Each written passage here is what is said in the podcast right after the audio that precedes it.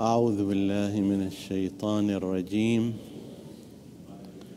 بسم الله الرحمن الرحيم. والصلاة والسلام على أشرف الأنبياء والمرسلين. أبي القاسم المصطفى محمد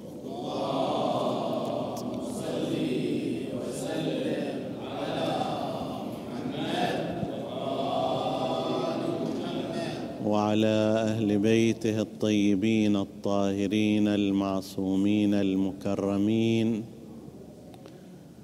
السلام عليكم أيها الإخوة المؤمنون أيتها الأخوات المؤمنات ورحمة الله وبركاته.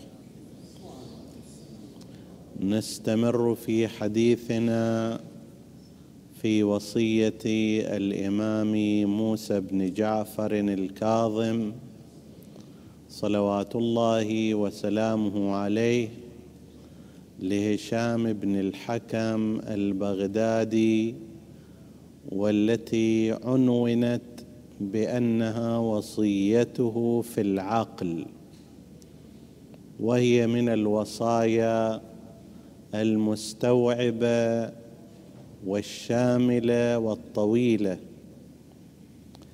مما جاء فيها يا هشام ما قسم الله بين العباد أفضل من العقل. نوم العاقل أفضل من سهر الجاهل.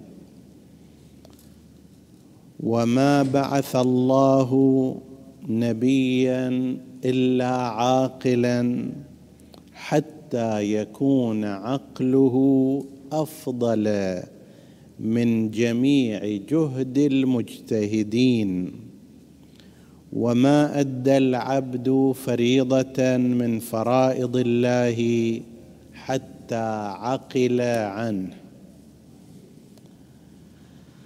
هذه الفقرة التي يتناولها إمامنا عليه السلام ويتناول فيها أهم نعمة أنعم الله بها على عباده وهي العقل. الآن عندما يراد أن يقال فلان عنده خير كثير عنده نعم طائلة. الغالب أن الناس يتبادر إلى ذهنهم أن لديه اموالا كثيرة. لديه أن لديه سيارات ومنازل وأرصدة وصحة وزوجات وأولاد وهكذا. يقال هذا ما شاء الله أنعم الله عليه بنعم كثيرة ومتعددة. حتى أن الناس ليتمنون أن يكونوا مثله. فخرج على قومه في زينته. هذا منه قارون. قال الذين يريدون الحياة الدنيا يا ليت لنا مثل ما أوتي قارون إنه لذو حظ عظيم. محظوظ هذا بشكل عظيم وكبير. زين هذه النعمة عند الناس. وهذه النعمة اللي عند الناس الله قسمها أقسام. قسم أعطى شيء كثير قسم شيء متوسط قسم شيء قليل. عندما نسأل الباري سبحانه وتعالى يا رب ما هي أفضل نعمة قسمتها بين عبادك؟ هل هي الأموال؟ هل هي كثرة الزوجات؟ هل هي تعدد السيارات؟ هل هي البيوت والقيعان والأراضي المتمادية والبساتين؟ هل هي القناطير المقنطرة من الذهب والفضة؟ يقول الإمام كلا أفضل ما قسم الله بين عباده ليس هذا وإنما هو العقل. من يكون أكثر عقلا هذا أفضل نعمة عنده.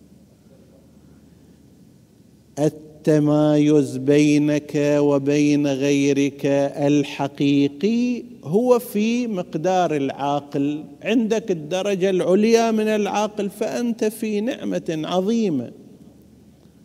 ذاك البعيد في الدرجة الدانية من العاقل ليس عنده خير ولا نعمة. وهذا مو قضية فقط غيبية ها. وإنما بالإضافة إلى ذلك قضية معاشة.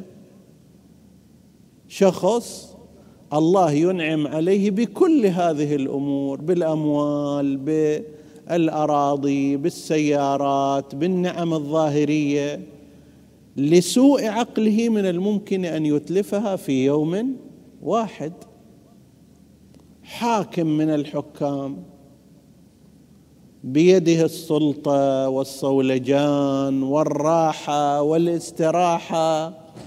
والناس متنعمون يضرب عقله بشكل معين فإذا بهذه الأرض إذا بهذا المكان اللي بعضهم يراه جنة الله على أرضه يتحول إلى خرائب وزرائب ويشفق من كانوا يتصدقون عليه يشفقون عليهم. زين؟ هذا من وين؟ هل كان هذا الحاكم ما عنده سلاح؟ عنده سلاح. ما عنده أموال؟ عنده أموال. ما عنده سلطة؟ عنده سلطة. لكن عقل ما كان عنده كامل. لذلك أفسد دولة كاملة. الان أنتم إذا تلاحظوا في التاريخ القديم والحديث دول كاملة انتهت افتقرت اللي يعبر عنها القرآن الكريم وضرب الله مثلا قرية كانت آمنة مطمئنة يأتيها رزقها من كل مكان فكفرت بأنعم الله فذاقها الله لباس الجوع والخوف. هذا شنو؟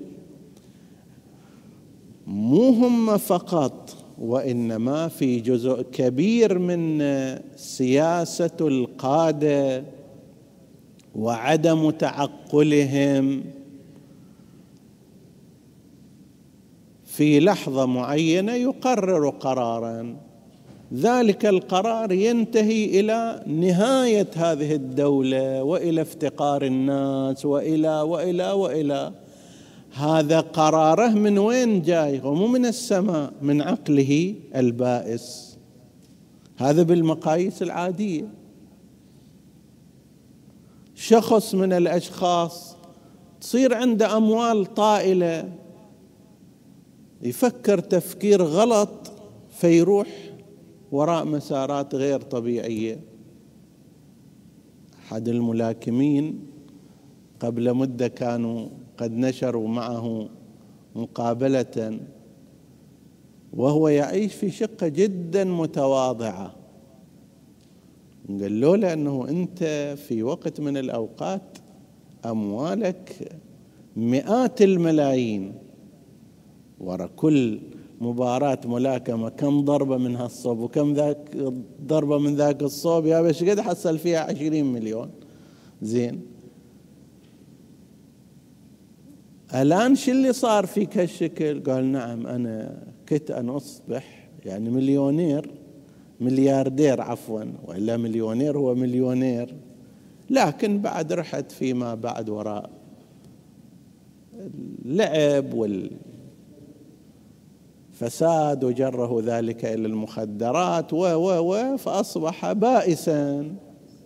زين هذا قسم له من قوة العضلات بطولة العالم لكن ما قسم له من العقل المستوى المتوسط الذي يدرك بأن مثل هذا المسار مسار مدمر فراحت أمواله وراحت صحته وراحت كذا وأصبح يعيش في شقة بسيطة.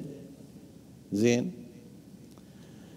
ما قسم الله بين العباد شيئا أفضل من العقل. هذا بالمقاييس الدنيوية. وأما بالمقاييس الإلهية والأخروية فالأمر أوضح. بعقلك الذي قسمه الله لك تارة أنت تفكر أنه أنا لم أخلق لهذه الدنيا وإنما خلقت فيها لغيرها. وعلي أن أشتغل إلى ذاك المكان. هذه جسر إذا واحد يريد يعبر في الجسر وقف في النص وانشغل هالشكل ياخذ صور وإلى آخره وما تحرك. زين؟ الناس وراه يقولوا له عمي تحرك هذا مو مكان أنت لازم تنتقل إلى الضفة الأخرى لتصل إلى منزلك وإلى بلدك. لا هو مشغول به تصوير على الجسر والبقاء فيه قسم من الناس في الحياة هم هكذا. هذه الدنيا هي جسر إلى الآخرة. المفروض يعبر يتمتع فيه بمقدار معين يعيش فيه لكن حتى يعبره إلى الأخرى لا ينشغل فيه ويبقى في هذا الجسر. يستهلك طاقته قوته صحته ماله كل شيء بعدين يفجأه الموت وهو لا يزال على الجسر لم ينتقل إلى مكان آخر. هذا الإنسان لم يقسم له من العقل شيء كثير لذلك خسر الآخرة. وأسوأ منه من يخسر الدنيا والآخرة أيضا. يعني لا ينتخب طريقا صالحا في الدنيا حتى يستمتع فيها. ولا ينتخب طريقا يوصله إلى الآخرة فلا هو في الدنيا قد ارتاح فيها ولا هو في الآخرة قد ربحها. هذا كله معتمد على ماذا؟ معتمد على أنه ماذا قسم الله للإنسان من العقل؟ وذكرنا في أول الحديث في هذه الوصية أن الله سبحانه وتعالى يقسم للناس مقدارا متوازنا من العقل. أكو قسم من الناس يصعده ينشطه ينميه يكثره وأكو قسم من الناس يغطيه مصباح بين أنت تجلوه باستمرار حتى يبقى مضيء لك وبين أن تخليه يتراكم عليه التراب والغبار والطين حتى لا ترى به شيئا. عقل هكذا. أصل القسمه الإلهية هي واحدة. طيب ولكن بإمكان الإنسان أن يطور أن يكثر أن يوسع أن يعظم عقله وبإمكانه أن يترك كل ذلك فينزل عقله إلى أن يصبح أشبه بالحيوانات. إنهم إلا كالأنعام. بل هم اضلوا سبيلا.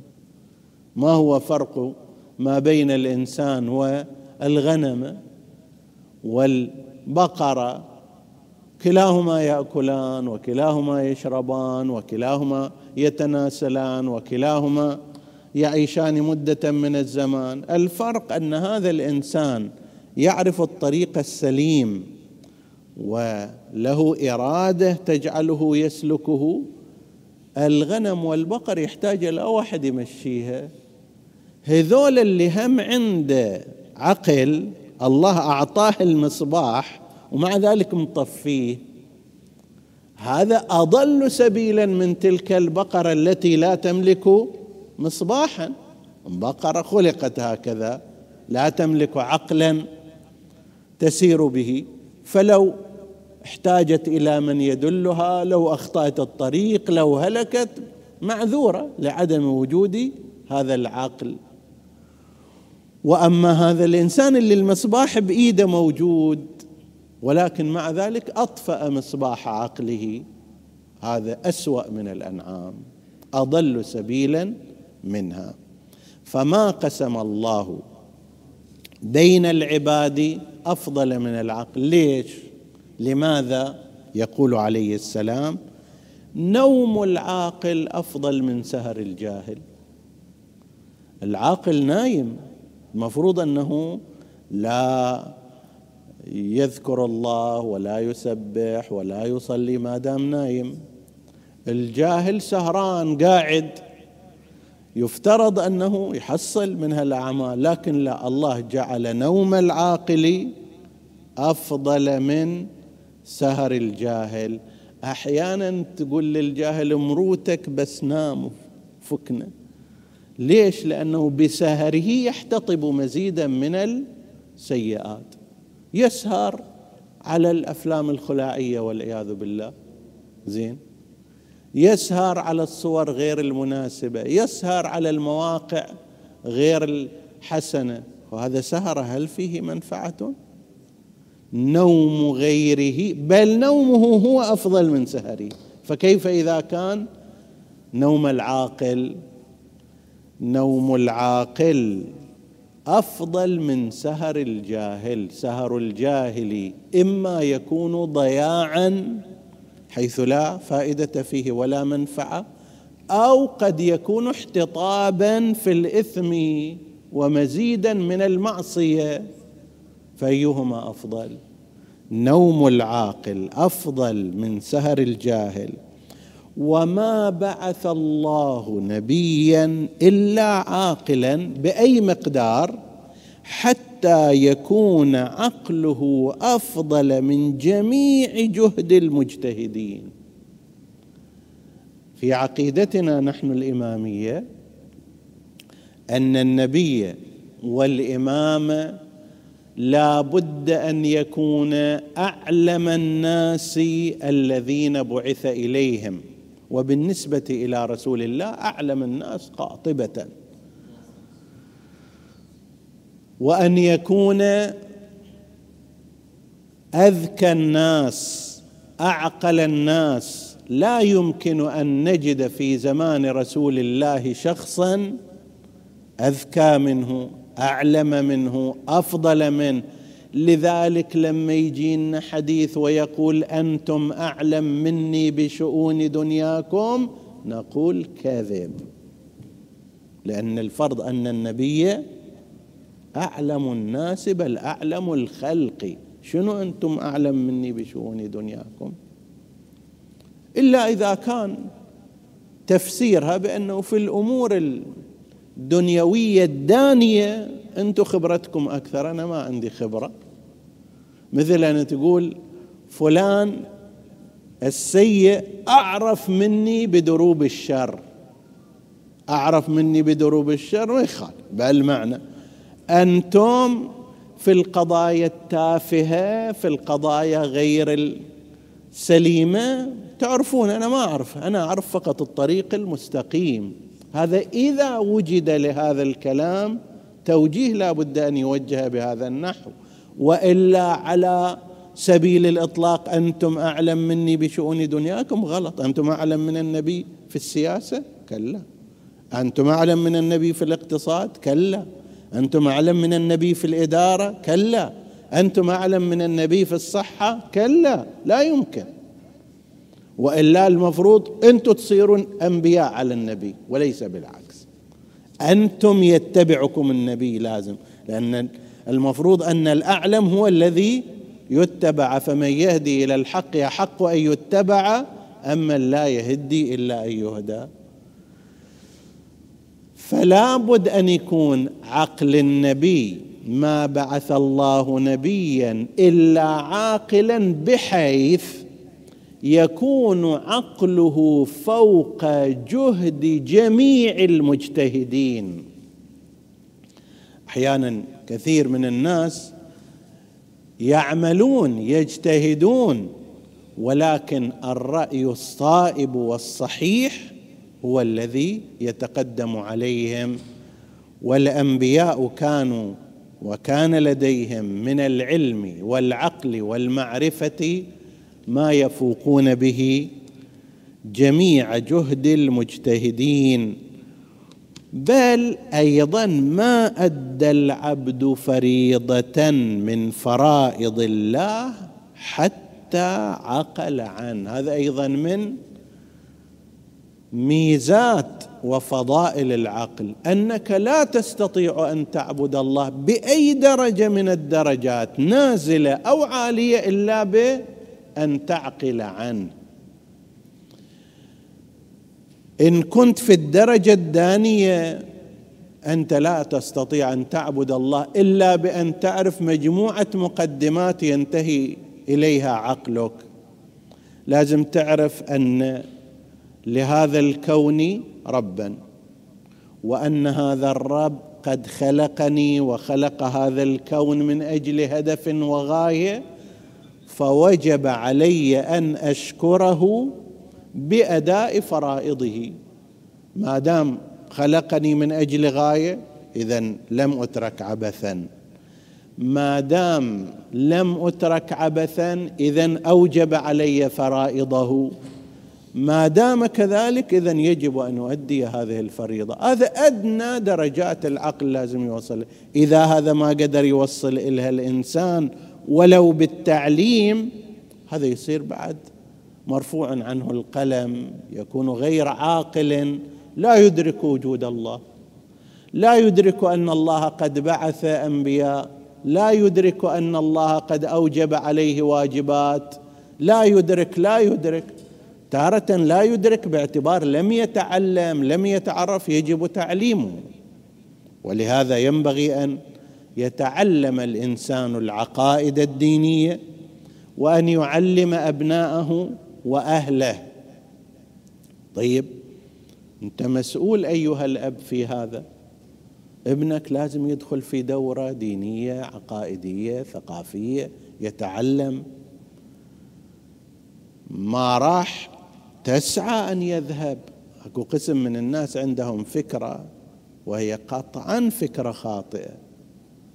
يقول أنا تقول أو يقول الأب أو الأم أنا أريد ابني أو بنتي تكتشف الصح من الغلط. ما أريد أجبرها على شيء. ما أريد أمشيها على طريقي. هي تكتشف الصح من الغلط تكتشف الحجاب أفضل. وتكتشف الأخلاق أحسن وهو أيضا يكتشف العبادة والفرائض بشكل سليم بنفسه حتى يصير عن قناعة. هذا كلام غير صحيح غير صحيح. سألك سؤال باكر لو ابنك أو بنتك الصباح قعد وقال أنه أنا أريد أفكر هل زين أروح المدرسة أو ما أروح المدرسة وش تقول له؟ تقول له قوم بلا هالكلام هذا. قوم يلا. إيش معنى هنا صار قوم يلا؟ بينما هناك خليه على اختياره وعلى رأيه خلي إذا فعلا أنت مؤمن بأن الإنسان لازم يتوصل إلى كل الأمور بنفسه ابدأ في هذا. ابدأ فيها ما حد يسوي. لو أن الابن من الصباح قال أنا البارحة فكرت أنه المدرسة هذه ما تفيدني في شيء. تعب وجهد وقسم من هذول التجار الكبار أصلا صاروا بدون قضايا مدرسة وما مدرسة. فأنا فكرت أن ما أروح المدرسة. تقبل منه هذا الكلام؟ ما تقبل منه. ابنك الشاب يا قوم روح الشغل. والله أنا فكرت أنه هذه الدنيا ممر مؤقت شلنا فيها. فأحسن شي واحد يزهد في الدنيا ولا لا يعمل فيها. فكرت أن ما أروح الشغل. الحمد لله الله يديمك على رأسنا وانت هم تمشي إلينا وإذا متزوج تمشي إلي وإلى زوجتي وأولادي وإلى آخره طيب ماذا تقول له؟ فكر هذا. هذا فكر أيضا. اقتنع بهذا الشيء لا تقبل منه هذا الكلام. لا بد من إفهام هذا الابن والبنت وأنت مسؤول بمقتضى يا أيها الذين آمنوا قوا أنفسكم بس وأهليكم نارا. تقوهم بماذا؟ بتعليمهم بإرشادهم بالمحافظة عليهم. بتوجيههم. ليش الله ما سوى هالشكل؟ أساسا ليش الله دز أنبياء وكذا؟ خلى عباده. هم هالشكل. باختيارهم يفكروا أنه في الله أو ما في الله في جنة أو ما في جنة في حساب لو ما في حساب. ليش؟ وواتر بين بعث إليهم أنبياءه وواتر بينهم رسله وليثيروا لهم دفائن العقول ويذكروهم منسي نعمته كما يقول مولانا أمير المؤمنين عليه السلام. لا. فمن اللازم أنت أيها الأب أنت أيتها الأم كما عمل عليكم غيركم من آبائكم وأجدادكم أيضا أن تعملوا على غيركم. ومن يقول غير غير هذا لا يصدق لأننا نراه في الأمور الدنيوية لا يترك أبناءه وشأنهم. واحد والله صباح عنده صايرة حمى شديدة جدا يرتجف. تقول له قوم الدكتور قال لك أنا والله فكرت أنه المشافي هو الله الطبيب شنو قيمته؟ ما يحتاج أروح الطبيب إذا الله بيشفيني بيشفيني. تقول له خلي عنك هالكلام قوم تحرك. إذا ما قام وياك أنت تجيب له الطبيب. ليش؟ لأن هناك اسبابا لا بد أن تسلك حتى تصل إلى النتيجة. كيف تعبد الله؟ لا بد أن تسلك الأسباب. تعلم ابنك تثقفه تهذبه تدربه لا بد أن تفعل ذلك.